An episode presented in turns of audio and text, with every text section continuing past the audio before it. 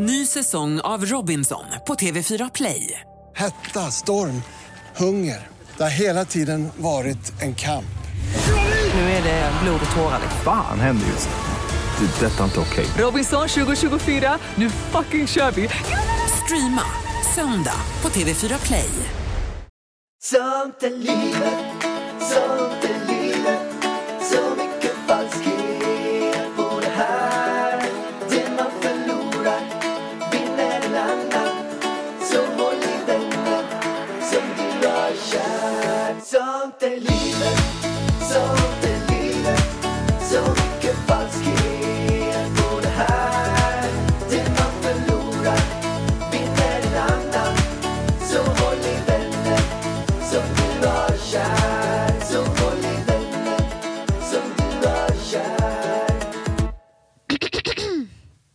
Ja, vi börjar. Hallå mina damer och herrar och välkomna till ett nytt avsnitt av Sånt är livet. Härligt, kul att ha er här. Kul att ni lyssnar. Så himla roligt att vara tillbaka. Jag är så otroligt taggad varje avsnitt. Det känns som en, en ny start. Men hjärtat, det är en ny start. Ja. Vi har gjort en ny start. Men det kan också vara så att det känns att det inte känns bra ändå. Men det känns väldigt, väldigt bra. Vi visste ju inte hur det skulle vara att komma tillbaka. Nej. Det skulle ju kunna vara att vi känner så, ah, Men känner du så här, gud, det här är, Sånt är livet är mycket bättre än Framgångspodden. Det är olika poddar. Ja. Det är samma sak om man skulle tänka på att man jämför en varmrätt och en efterrätt. Man kanske tycker att det är jättegott med pasta och köttfärssås. Men sen är det också supergott med en gräddglass. Och jag skulle säga att vi, Men menar du att vi vi är, är lite mer en gräddglass. vi är efterrätten av Framgångspodden? Ja. Är Vi, det, är det det du menar? ja, men den här kan ju jag också vara mig själv lite mer på ett annat sätt. Ja. Vilket är på både gott och ont. Det har ju varit ont. Ja, viss, vissa gånger har det blivit väldigt ont faktiskt. Det har ju varit till och med lite flippat. Ehm, ja, det har det faktiskt varit. Och jag åker ju med på dina flippar Ja. oftast eftersom jag är är en deltagare i den här podden. Vi gör så här. Vi låter, eh, vi låter Kalle. Du får hitta någon flipp, flipp, floppy, flopp, flopp här. Som vi får lyssna på här. Nej men jag fixar inte gubbröv alltså. Nej. Nej. Nej. Alltså en sån här skrynklig hänglig rumpa som ska hålla på och knipas. Nej, det går inte. Ish, ida verge, ida verge. Inte liksom pirleres, Men alltså, kan du säga ditt efternamn igen? pirleros, pirle. Vad heter det? Vibe. Vibe. Ja. Människors vibe nere i Marbella. Eh, lägg mig på sidan. Tar den här hinken för rumpan och penis. Men Kan- är inte typ Ronaldi, Ronaldillo... Ronaldi, Ronaldillo... Jag vet inte vad fan heter den. Du låg på marken, öppna munnen så pessar jag i munnen på dig. Jag pässer i din mun. Nej men alltså jag stod och lagade mat med den där hängande så bara, "Ah, när ska jag bli kåt av det här? Nej, det. Hängandes? Ja. Hur fan fick du den att hänga? Ja, men det blir ju en sugpropp. Det var det sjukaste jag hört. Och vi kollar nu på lack, lackup. Lackup. Vänta med. Vad garvar du åt? Alltså över 40, då kan man inte ligga, alltså då håller inte Vad, snoppen. vad är länge då? vad är vad som har för något perspektiv? Alltså man vill ju hålla på en halvtimme i alla fall, tänker jag. Sen, alltså för länge blir inte heller bra för då får man ju skavsår i muttan. Men vet du, jag är lite besviken ändå idag. Faktiskt. Jag kommer hit för tidigt för att jag ville ha tid med Drake. Och Drake är inte här. Och för er som inte vet vem Drake är. Det är en liten vit pomeranianhund på det här kontoret. Jag har alltså drömt om honom i natt och kommer hit för att umgås med honom. Nej, jag ska. Nej, men på riktigt alltså. Jag, alltså jag cravar honom. Jag, jag vill ha en hund. Men känner du det nu med typ ännu mer att du vill ha en hund? Ja, fast jag känner också att jag hinner inte med en hund just nu. Så det blir ingen hund just nu. Ja, och det tror jag också är ganska bra. Jag tror att, alltså jag ser så fram emot när Elvis är typ 6-7 år. att han då kommer tjata som jag gjorde när jag var liten. Jag vill ha en hund. Du menar så som du gör fortfarande? Typ? Ja, ja, det har liksom inte gett sig. Nej, du tjatar ju fortfarande. Och jag är så glad att jag inte köpte en hund för några år sedan. För att jag, jag har varit så här, ah, gud vad skönt. Men tänk att ha en liten vovve. Ja, men det är ju också ett åtagande. Ja, men alltså jag känner lite så här, när man väl har skaffat en unge, då har man åtagandet. Då måste man ju lägga tiden på den här ungen. Och det gör ju, då kan man väl slänga in två ungar och en hund till. Okej. Typ lite så känner jag. Men hur känner du med barnfrågan då? Ja, men ska vi ta den nu igen? Ja, men jag, alltså för min egen del undrar jag, hur går vad är status just Nej, nu men på nu är Ida med barn? status att det, det blir inga barn just nu. Jag vet, eh, Pärlan har ju kommit fram till att han vill ha barn. Han vill gärna ha det nu. Men du har sagt det till mig. Ja. Ja. Eh, men jag är inte redo för ett till barn nu. Nej, det är stopp. Det är stopp, stopp, här. stopp i kontrollrummet. Stopp i kontrollrummet. Men när, eh, och varför känner du så då? Jag har inte tid Pallan. Jag känner att eh, jag vill njuta av Elvis för det första lite till. Ge han Innan du tiden. går och mår dåligt. Nej men alltså innan jag går och mår dåligt igen. Alltså första delen av graviditeten var ju ett rent jävla helvete. Man, när jag kollar tillbaks och ser folk som är gravida då är det ju så här. Jag romantiserar hur härligt det var att vara gravid va. Sen kommer jag på att nej. Typ som igår. Alltså jag mådde så konstigt igår. Eh, först tänkte jag så här, gud nu har jag åkt på magsjuka alltså. Sen fick jag mens. Då är det alltså den sjukaste jävla mensvärken som jag har varit med om. Alltså tio minuter mår jag svinbra. Sen kommer det en huggande känsla som att det knivar i hela magen. Och näst, alltså jag börjar må illa som att jag vill spy. Och sen går det över. Det kanske håller i. Alltså det var typ som förverkar.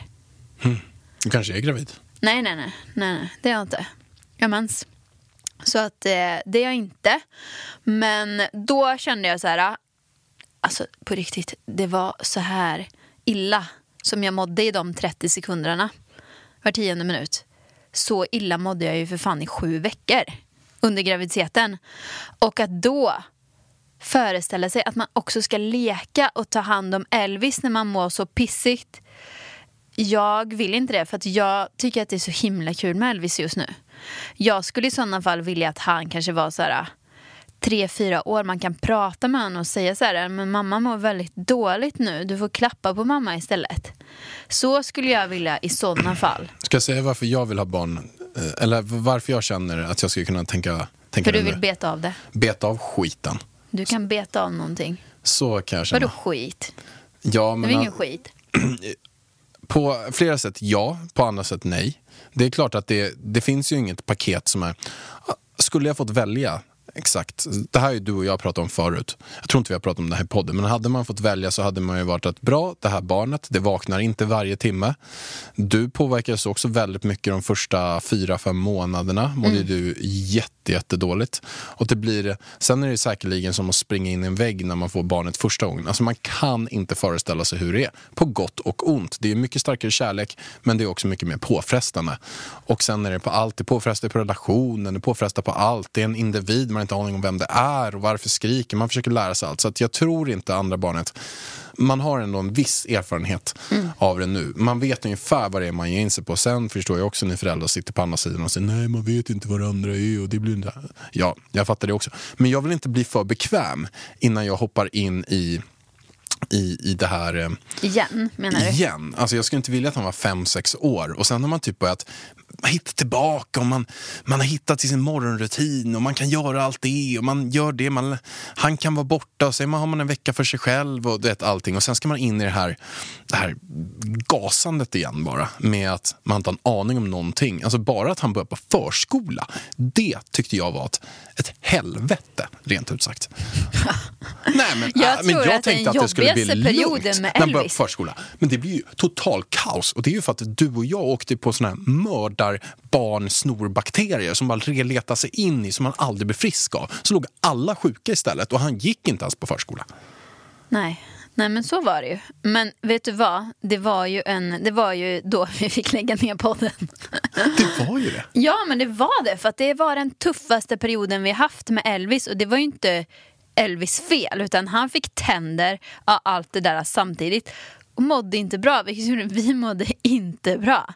Men jag kan säga som så här att jag tror att det är utvecklingsfas 10 vi var med om. Den sista utvecklingsfasen i det här um, systemet. Eh, det finns en app som man kan ha som mamma och pappa där man ser barnets tio utvecklingsfaser det första ett och ett halvt året. Vissa faser märkte jag bara lite grann och vissa faser, jag tror det var tre eller fyra faser var åt helvete. Och den sista tian den var, ja, den var värst. Det var riktig final. Men det var som att när han kom ut ur den, då var det som att alltså, en, ett nytt barn föddes. Den glada Elvis, Den glada Elvis. som är glad hela tiden. Älskar honom alltså. I Verkligen. morse kände jag bara, nej men alltså jag vill ha fyra barn till. Så mycket kärlek som han ger. Han ger så otroligt mycket kärlek. Och det tycker jag också varit en, en uppenbarelse för mig att få barn själv. För jag har alltid känt under, under min egen så här uppväxt att jag har på något sätt varit eh, klandrad. Att jag har känt att det är jag som har varit problemet. Och har känt ett så dåligt samvete över det också. Att jag har varit problemet och att det är jag som har stökat. Det är jag som har av, av flera olika anledningar. Men när jag fick barn själv nu så var det så här, det var på något sätt som att någon berättade för mig att det visade sig att nej, det är inte du som har varit felet. För du har gett så otroligt mycket kärlek så du har inte skyldigheter. Du har, du har faktiskt gett otroligt mycket. Jag har fått en känsla av att jag har varit en Nej, men att jag har varit kär en, ett problem. Det har jag fått känslan på. Men när jag fick Elvis så har, jag- har jag förstått att nej, jag har inte, Det är inte du som är jag har ett problem. jag, har, jag, jag, har, jag har inte varit ett problem. Jag har till och med gett otroligt mycket. Vilket gör också att jag har inte, det är bara inte jag som har varit ett problem och jag har massa skyldigheter hela tiden. Det är aldrig ett barn som är ett problem. Träffar man ett jobbigt barn på ett tåg så är det ju så, man kan ju inte bli arg på barnet. Det är ju föräldrarnas fel att barnet är jobbigt i sådana fall. Men eh, det som, ja, man får otroligt mycket kärlek. Mm, För, för min del är det, nu i efterhand så skulle det inte varit helt fel att ha haft tvillingar heller. Och bara betat av det. Sen hade det Ja, men säkert sen- varit ja. så himla tufft. Men, det, men, Alltså men jag tycker... tvillingar, det var min dröm att få tvillingar och min mormor är ju tvilling. Det vore ju kalas om jag blir gravid igen. Och det Tänk blev det så att det var tvillingar. tvillingar och man blir ju trebarnsförälder. För jag är ju så... Och Jesus. Jag vill ju inte ha ett till barn. Eh, Eller jag vill inte Du ha vill barn inte ha ett nummer tre. tredje barn, Ett tredje barn. Det är jag 100% säker på. Jag, jag är ju fortfarande så att skulle du verkligen säga så här, äh, jag tror att jag skiter i det här med barn. Då skulle jag säga, okej, vi skiter i det. Mm. Så skulle jag, jag, jag skulle nog inte ens känna att jag vill övertala dig. Jag skulle säga så här, okej, för jag vet så himla många eh, föräldrar faktiskt som har ett barn och de, de föräldrarna tycker jag är så jävla fräscha. Men vänta lite nu, hur många känner du med bara ett barn som liksom så här, nu har vi bestämt oss för att det bara ska vara ett barn? Ja, men jag har ett gäng som, som jag vet om. Så här jätteduktiga What? entreprenörs... eh, Jag pratar framförallt om kvinnorna. Entreprenörskvinnor som har ett barn. Och de är himla... Det känns som att de får också här, tid för sig själva på ett annat sätt än om de hade haft tre och bara totalt fastnar i det där barnracet. Så, så Jag tycker typ det är tvärtom. Att typ de här riktigt drivna entreprenörskvinnorna har typ så här fyra barn. ja, det finns ju massa sådana Alltså, också. Det känns som att det är alla har typ, det känns som att nya trenden är att ha tre barn. Varför gör det det? Det känns som att alla ska skaffa tre barn. Nej, jag har ingen aning. Nej. Nya två är tre. Och hur kom vi nu in på det här igen? Vi, vi, vi ber om ursäkt till er som inte vill lyssna på det. här. Men nu, nu går vi vidare i livet. Vi hoppar vidare. Och det vi ska prata om idag, det är ehm, att man ska välja lycka. Ja, alltså vi har ju känt oss, som vi sa i första avsnittet, vi har ju känt oss lite nere, lite vilse. Eh, och vi vill ju använda den här podden till att liksom men påminna oss själva och påminna er. För det känns som att det är många som är i våran situation. Att man känner sig lite deppig. Man kanske inte vet riktigt vad man vill med jobbet eller med sin partner eller med sitt eget liv. Och därför tänker vi, vi undersöker ju det här lite grann. Och det är ju perfekt då att du med den här podden känner jag Pallan. För du träffar ju så sjukt mycket inspirerande människor i din andra podd. Så du har, du har ju liksom massa inputs på det här. Ja, alltså jag har så mycket inputs på det här. Så det här blir din podd. Så att jag skulle kunna lägga flera timmar på det här ämnet. Men eh, jag har fått en del nya. Vad är det senaste då? Och ett avsnitt som kom i söndags var det. Söndags var, ja, söndags var det som blivit också ett topplyssnat avsnitt.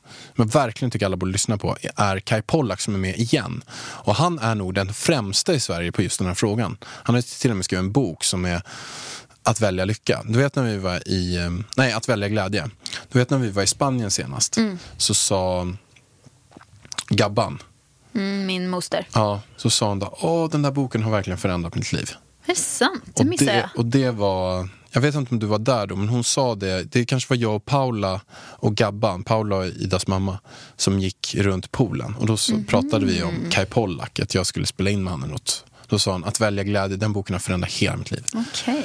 Och, och vi, kan, vi kan ta några exempel. Jag kan ta något exempel från han, så kan vi bara prata vidare om. Men Om ska det. vi säga vad ämnet är?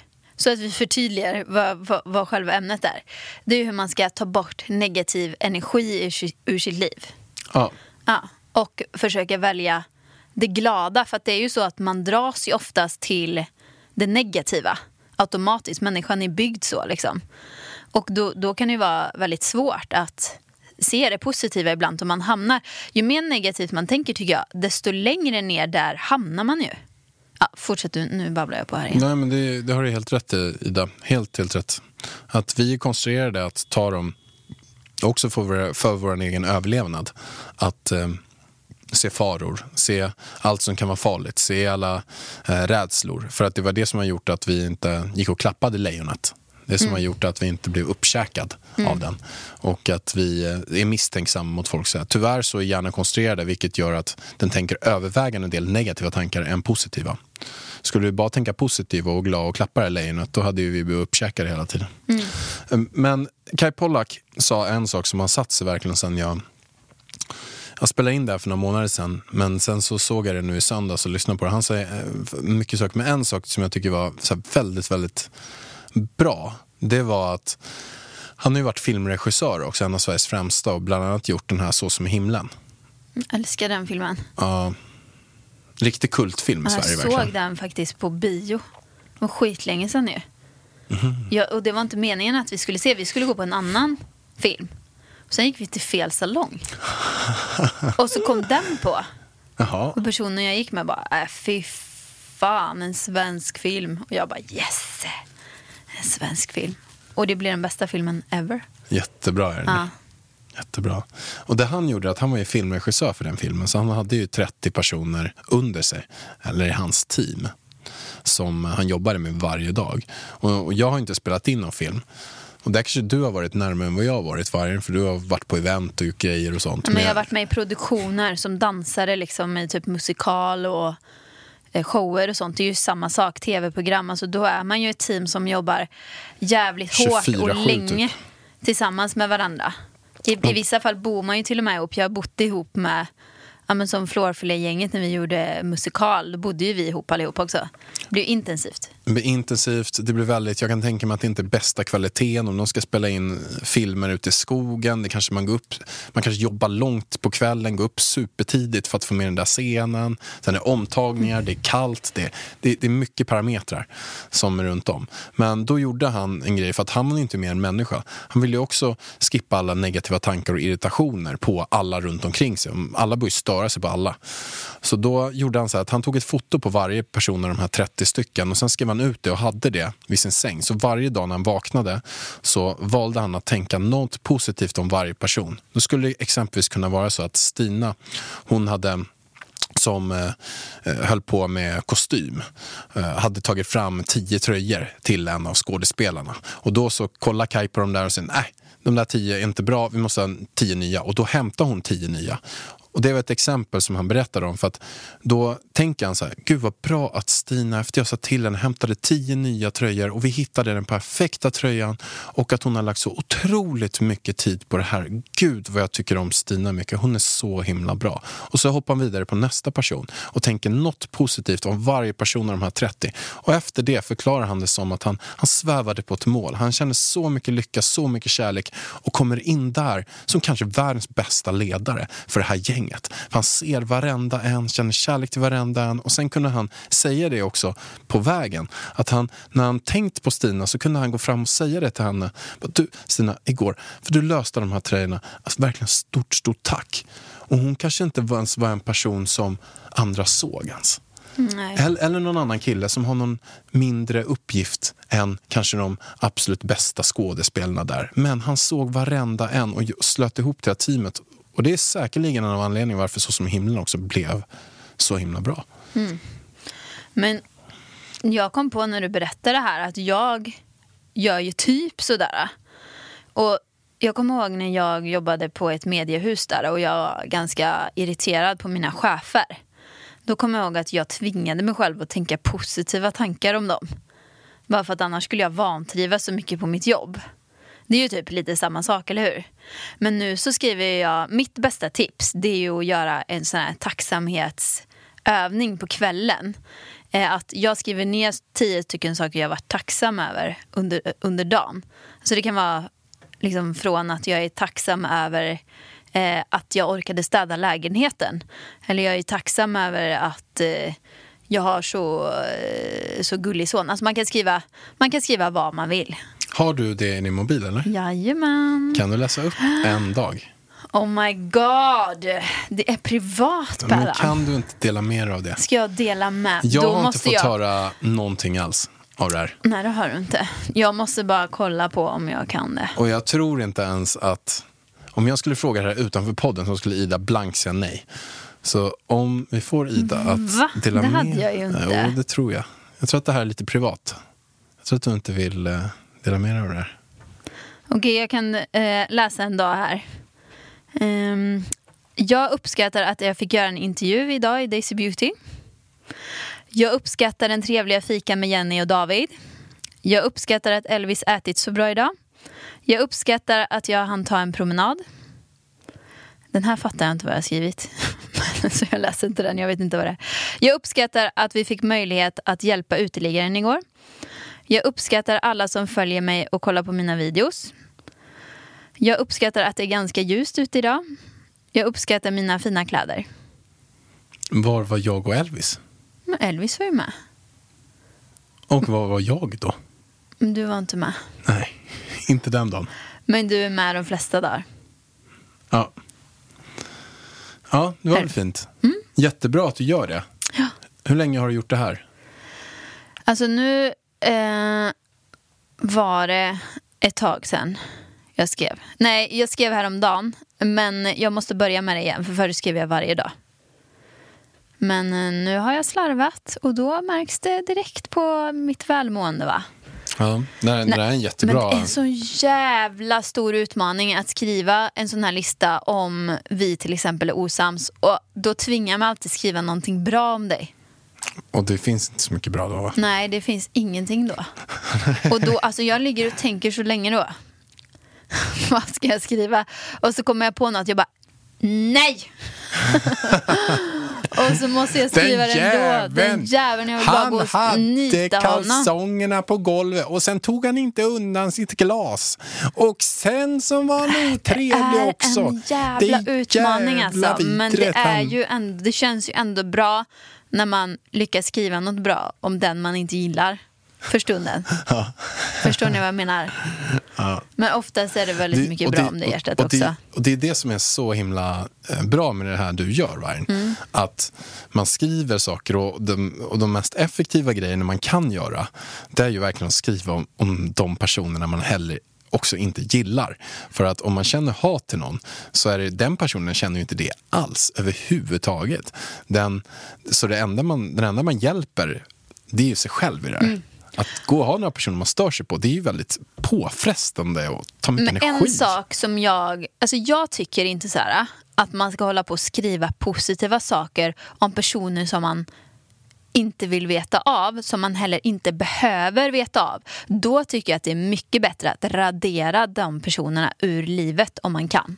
Ja, fast oftast är det ju inte att man kan. Ofta är det att de hänger kvar. Eller att det är någon Alltså, gammal släkting. Många eller gånger. Ja, fast släktingar kan man också radera ur sitt liv. Det är ingenting som säger att bara för att det är familj så måste man hålla kvar personen. Men om man till exempel är på ett jobb som man verkligen vill vara kvar på eller man kanske bor i en liten stad, det finns inga andra jobb, man måste ha jobb för att ha mat på bordet. Då är det ju jättebra att liksom försöka se det positiva i sina kollegor och chefen och så. Ja, jag tror att det, eller, eller så min erfarenhet är att jag tycker att det är ganska svårt att radera människor eh, runt om. Som man, har man möjlighet att radera dem så kan man Ja, men så, precis, försöker man man gärna göra det. ja. Men, men i många fall så är det de personerna som tar mycket tankkraft är så här, jag kan inte. Vi måste ha någon typ av relation, eller den här personen har gjort något dumt, men vi kommer ändå ses på de här, de här gångerna och det har man ångest för. Men, och det som jag tycker är bra då med den här övningen, det är att, alltså att man ser det på det sättet att det är inte personen man ogillar, det är handlingen som den gör och att alla personer i grunden är goda. Om, om man försöker få det mindsetet och sen så försöker man tänka på något positivt med den här personen. Eller ta bara det som Ta, ta bara det som Nelson Mandela eh, sa. Han sa så här. Det finns ingen tanke som är så hemsk att du inte kan välja en tanke som gör att du mår lite bättre. Alltså det finns ingen situation där du inte kan hitta någonting positivt i den.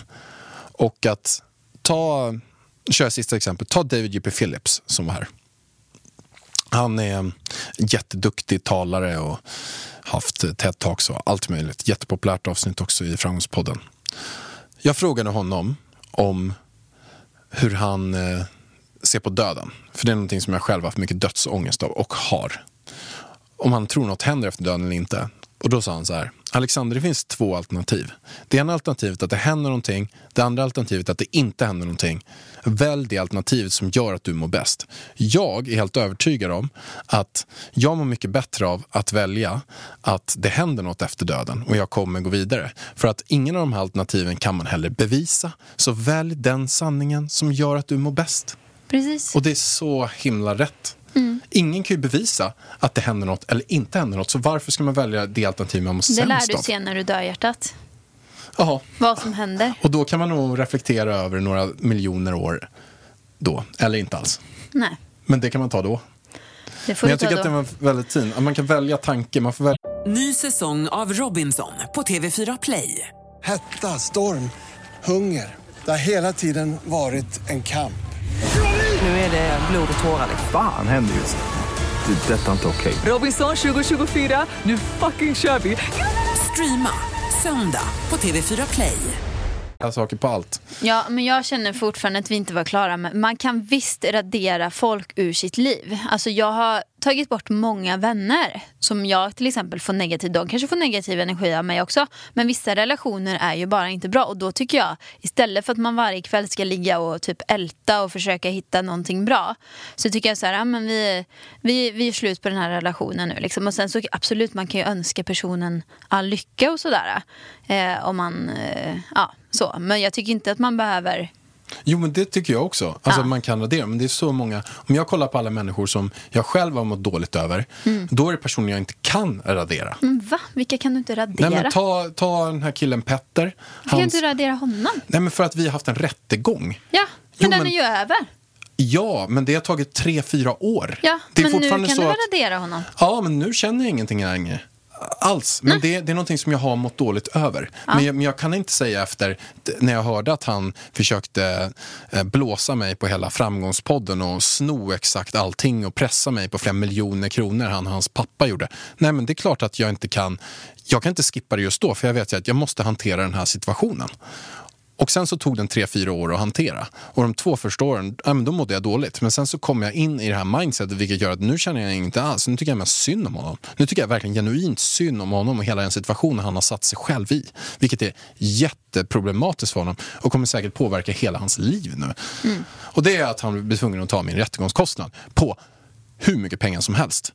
Eh, som är jätte, jätte tufft för en att repa sig ur. Mm. Men att ta killen som snodde mina mobiltelefoner. Ja, men han har du väl kunnat radera? Ja, det har jag gjort. Men Ja. under tiden, under den tiden under så kände tiden, jag... men det här är nu ju pratar jag ganska- om några år. Men nu pratar jag ändå när man är i en situation. Det tog kanske med tre år att komma över den situationen. Ah, ja. Att det är någon som snodde grejer mig för 300 000.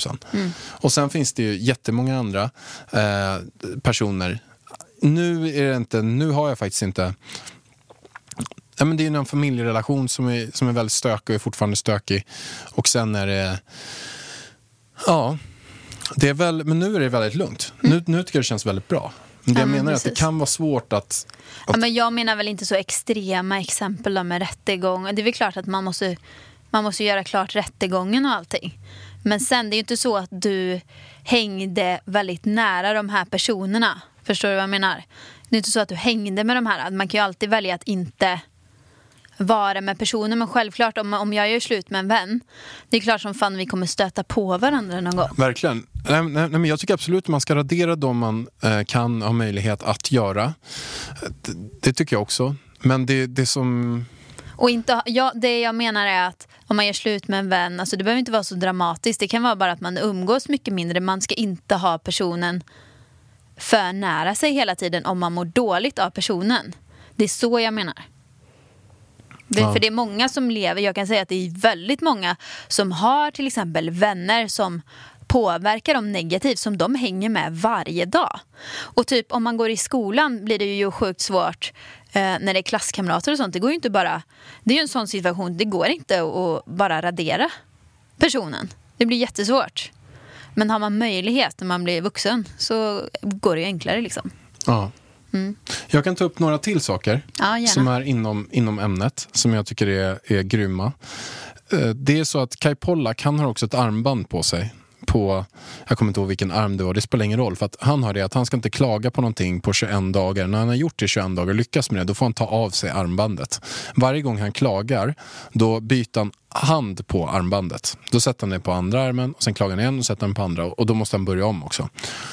Och den här utmaningen hade jag för någon månad sedan att man inte ska klaga något på sju dagar. Och jag tycker bara man är i den så, så tycker jag att man mår mycket bättre. För då tänker man på att man just inte ska klaga på så här, små saker i sin vardag. Där man kan visa en tacksamhet istället. Alltså det var så skönt när du hade den här veckan. Tycker du kan ha den varje vecka. Ja. Kör Pellan.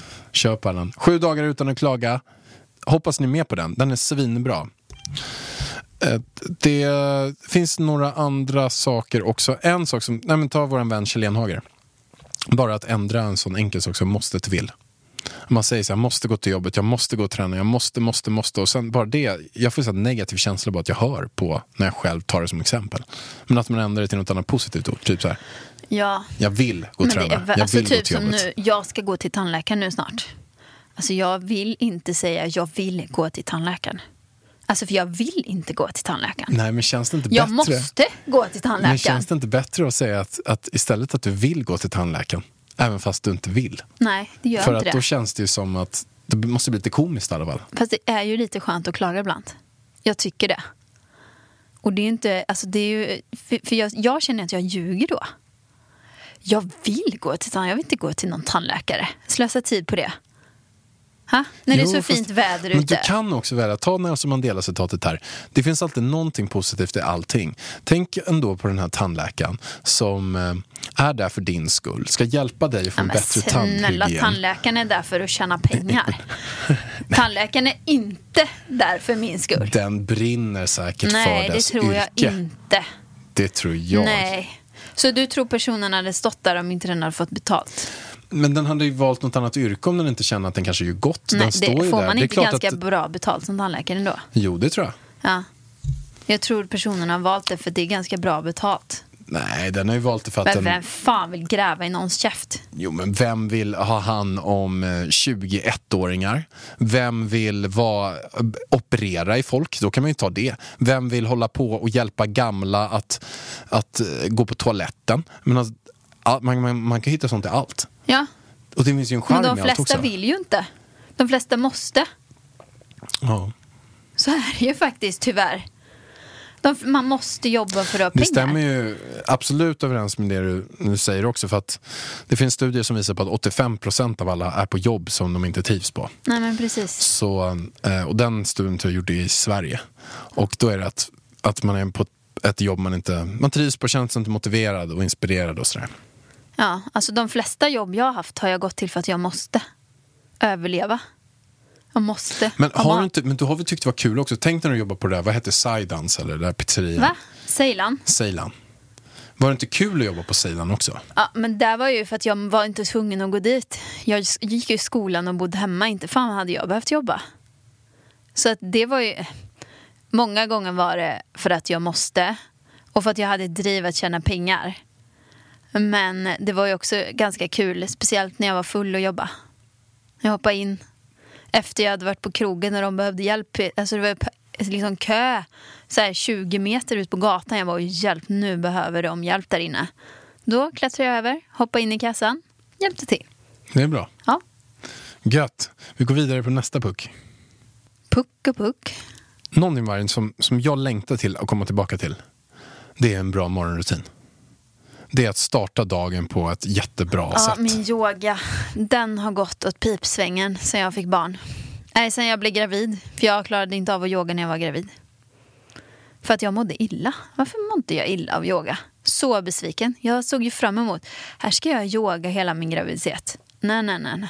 Det var som att det var ett litet frö med illamående och när jag yogade så spred sig det här fröet med illamående över hela kroppen. Ja, så var det. Det är någonting jag i alla fall ser fram emot. För att de bästa dagarna, det är när jag får eh, ha en riktigt bra start. Gå upp relativt tidigt, jag längtar till att jag kan träna på morgonen. Alltså vara på gymmet eller på boxning eller vad det nu är jag ska göra. Sju på morgonen och köra ett hårt jäkla pass. Vara klar vid åtta. Och sen bara hela dagen framför sig. Och känna sig lite så här småtrött i kroppen. Att man har, bara, man har pumpat ut sig själv så hårt. Att vad som än händer så är man lite så obrydd. Man blir så här, ja, man, är, man går runt som om man skulle bara gå runt på någon sån här Alltså, vi har lugnande så drog. Typ. olika känslor om, det här med morgonträning. Alltså. Jag det är så längtar efter jag kan börja köra morgonträning. Vet du vad, Alltså, det finns inget efter värre för mig än att gå och träna direkt på morgonen. Alltså det är en mardröm. Yoga hemma, det ser jag fram emot. En 20 minuters yogastund. Det skulle vara trevligt, lugnt och skönt. Men att de gångerna jag har kört morgon... Du vet, jag blir bjuden på så mycket events. Du vet, morgonträningsevents. Jag klarar inte av det. Så ni som har tänkt bjuda in mig på någon mer morgonträning, skippa det. Ta i sådana fall träningen klockan 10.00 när jag har fått käka frukost. Och jag kan säga att alla känner så. Det är ingen som vill träna klockan 7-8 på Men morgonen. vadå alla säger så? Jag har ju precis sagt att Ja, jag men känner alla så. mina vänner. Bjud in Pärlan, vet jag. Bjud på morgonträningsevent. Jag älskar det. Nej, men alltså, om jag kör hårt på morgonen, jag är ju för fan död resten av dagen. Ja, men man är, man är lite som manjana. Nej, men alltså, man det, blir ju inget, mode. det går ju inte att jobba. Så känner jag. Jag har inget i min hjärna efter det. Jag kan inte leverera någonting. Du känner dig lite drogad liksom, eller? Ja, jag känner mig lite som man skulle rökt marijuana typ. Man, man känner sig väldigt lugn och harmonisk. Nu får jag säga så här, jag har aldrig rökt marijuana. Nej, men jag när jag ser på filmer så kan jag tänka mig att det är så. Man känner Ja. sig lite manjana och, Okej. och så. Men om du ska ha en intervju då, när du har tränat så, och är lite hög.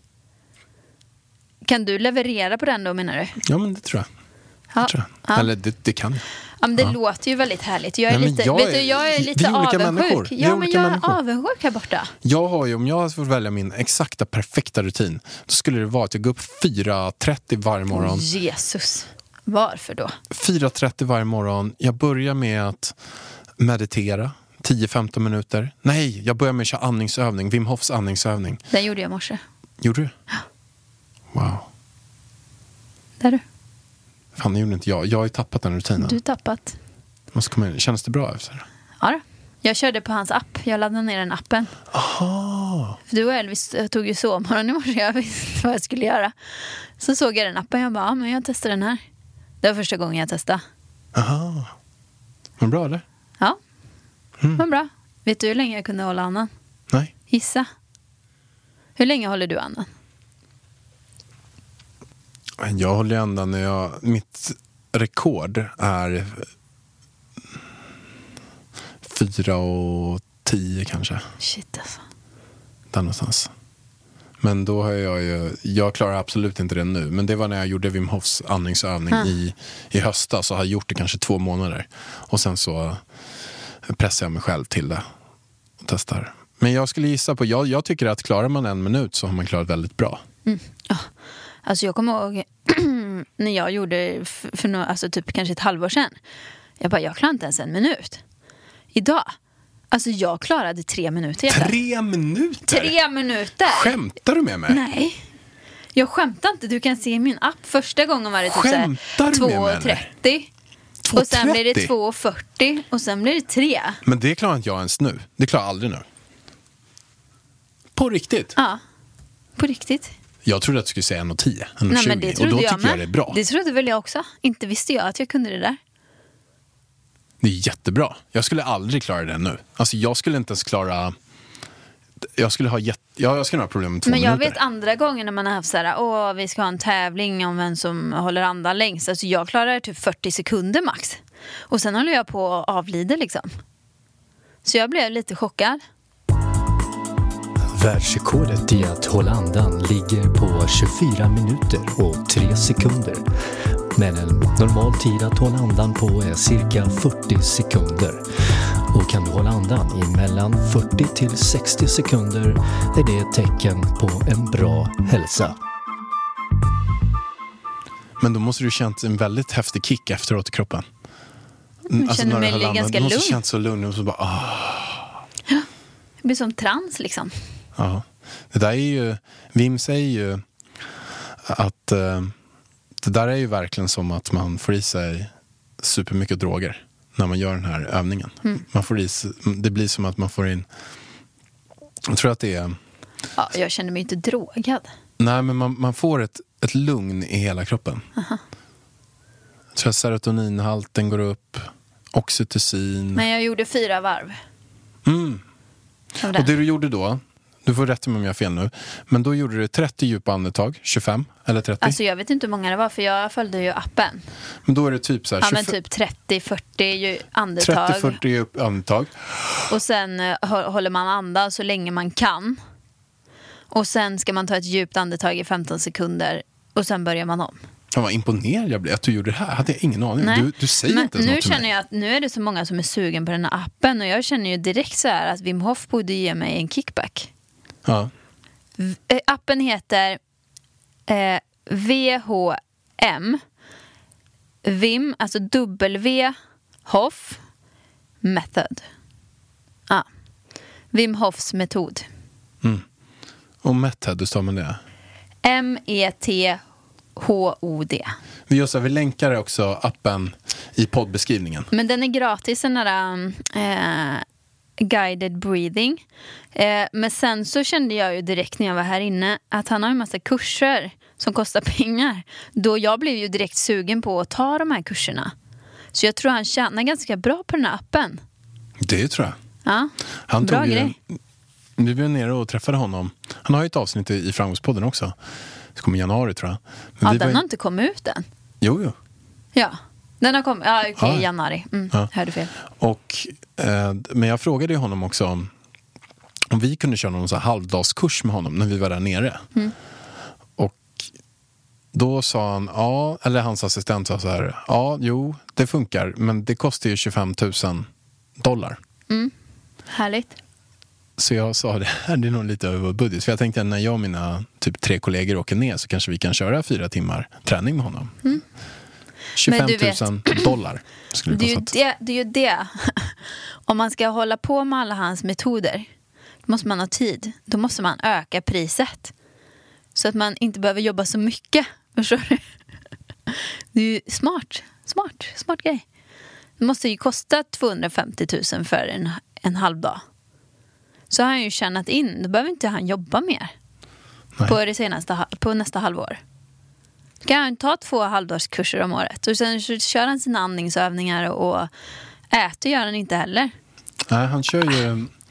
Han käkar bara en gång om dagen. Men alltså vet du, jag typ blir så 40 jävla år. irriterad på folk som håller på med fasta. Jag blir så irriterad. Det går inte. Alltså det kan inte vara för alla. Jag blir så provocerad.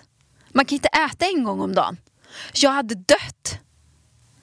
Jag är lite sugen att testa. Jag har inte Nej. testat det. Jag har testat. Jag Du har testat, du har inte, käkat nå- du har inte bara käkat banan ju. Nej, men fem det, dagar. det är ingen fasta. Du får ju i dig 30 000 kalorier typ på de här jävla Nej, inte 30, men du får ju i dig typ... Jag åt två... 2500 till 3000 kalorier om dagen med bananerna. Det är absolut ingen fasta. Jag har kört eh, periodisk fasta när jag tränade med en PT för många år sedan när jag jobbade på Aller. Då körde jag i tre månader körde jag periodisk fasta och jag körde inte ens en tuff.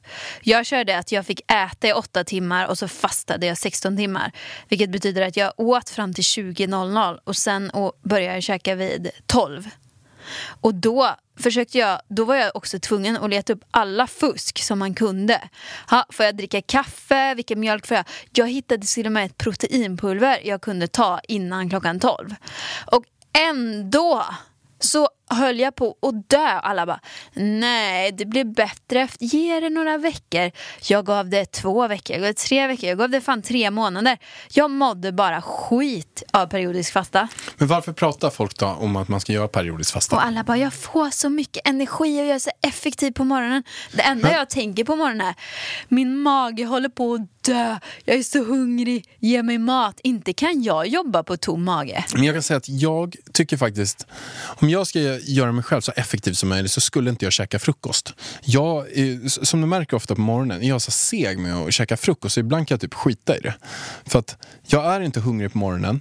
Jag skulle jättegärna träna ett superhårt pass innan frukost och jag blir så här som väldigt, väldigt på alerten när jag inte äter frukost. Det blir som att jag är så här, jag skulle kunna sitta och jobba och bara vara så här supereffektiv verkligen. Men sen när jag käkar då blir jag så här Oh, då går jag tillbaka och blir lite lugnare, men också lite sloware.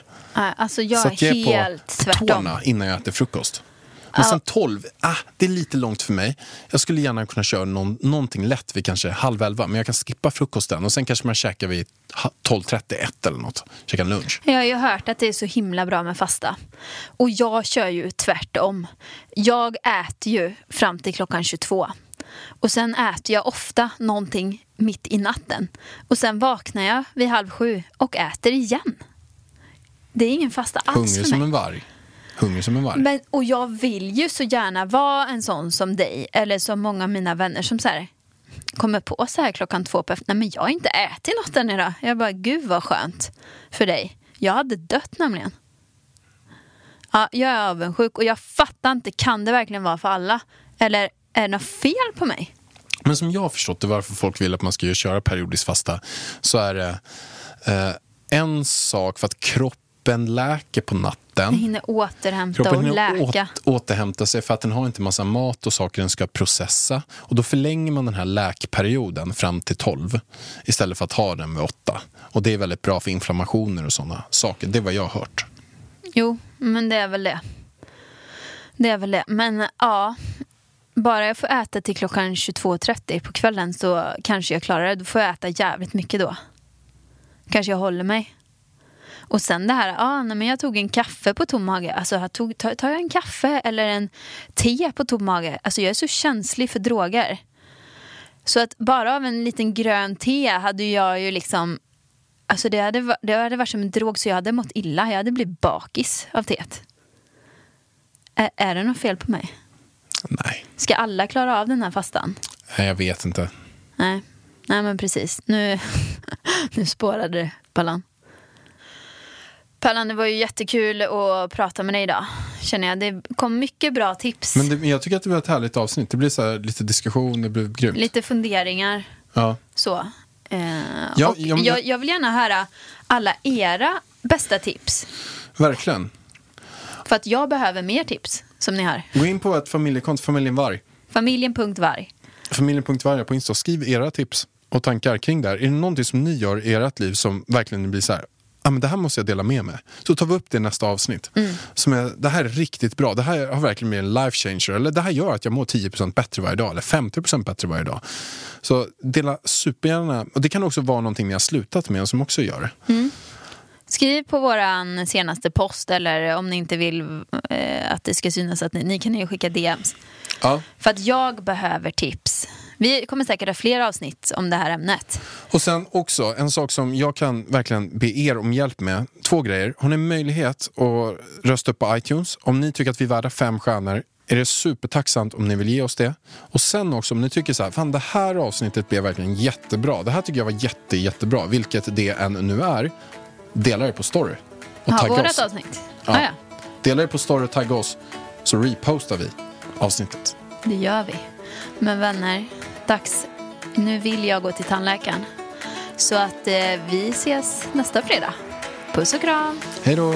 Sånt är livet, sånt är livet, så